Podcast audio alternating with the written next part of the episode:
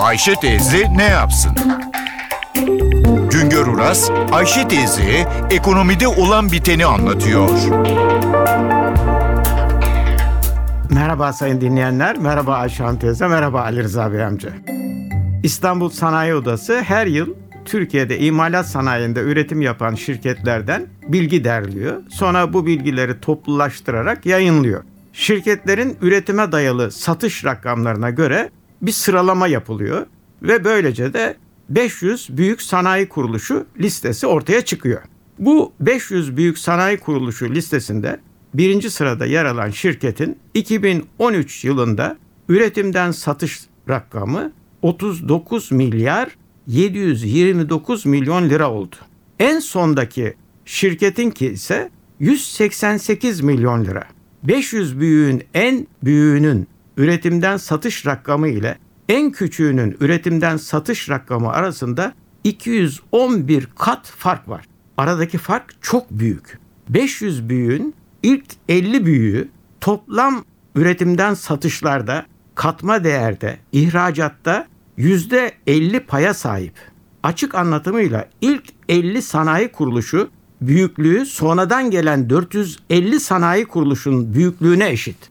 500 büyük sanayi kuruluşunun 2013 yılında net satışlarında cari fiyatlarla artış sadece %7,4 oranında oldu.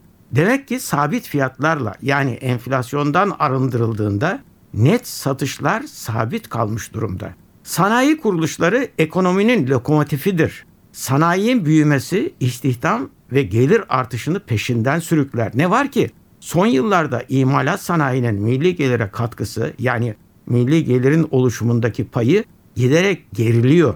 1998 yılında imalat sanayinin milli gelir içindeki payı %23 idi.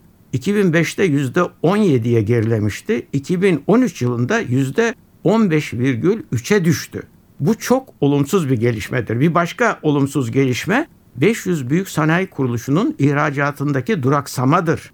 2013 yılında 500 büyüklerin ihracatı artmadı. Tersine %1'e yakın oranında bir gerileme var.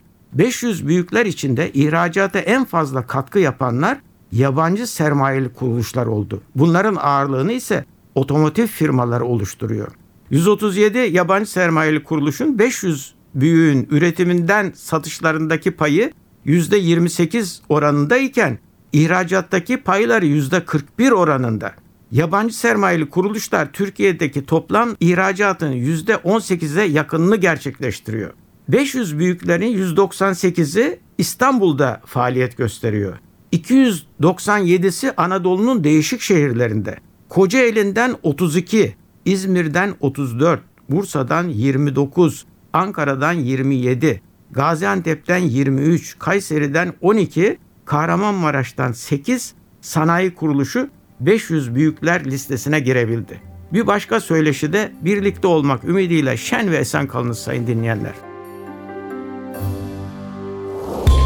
Güngör Uras'a sormak istediklerinizi ntvradio.com.tr adresine yazabilirsiniz.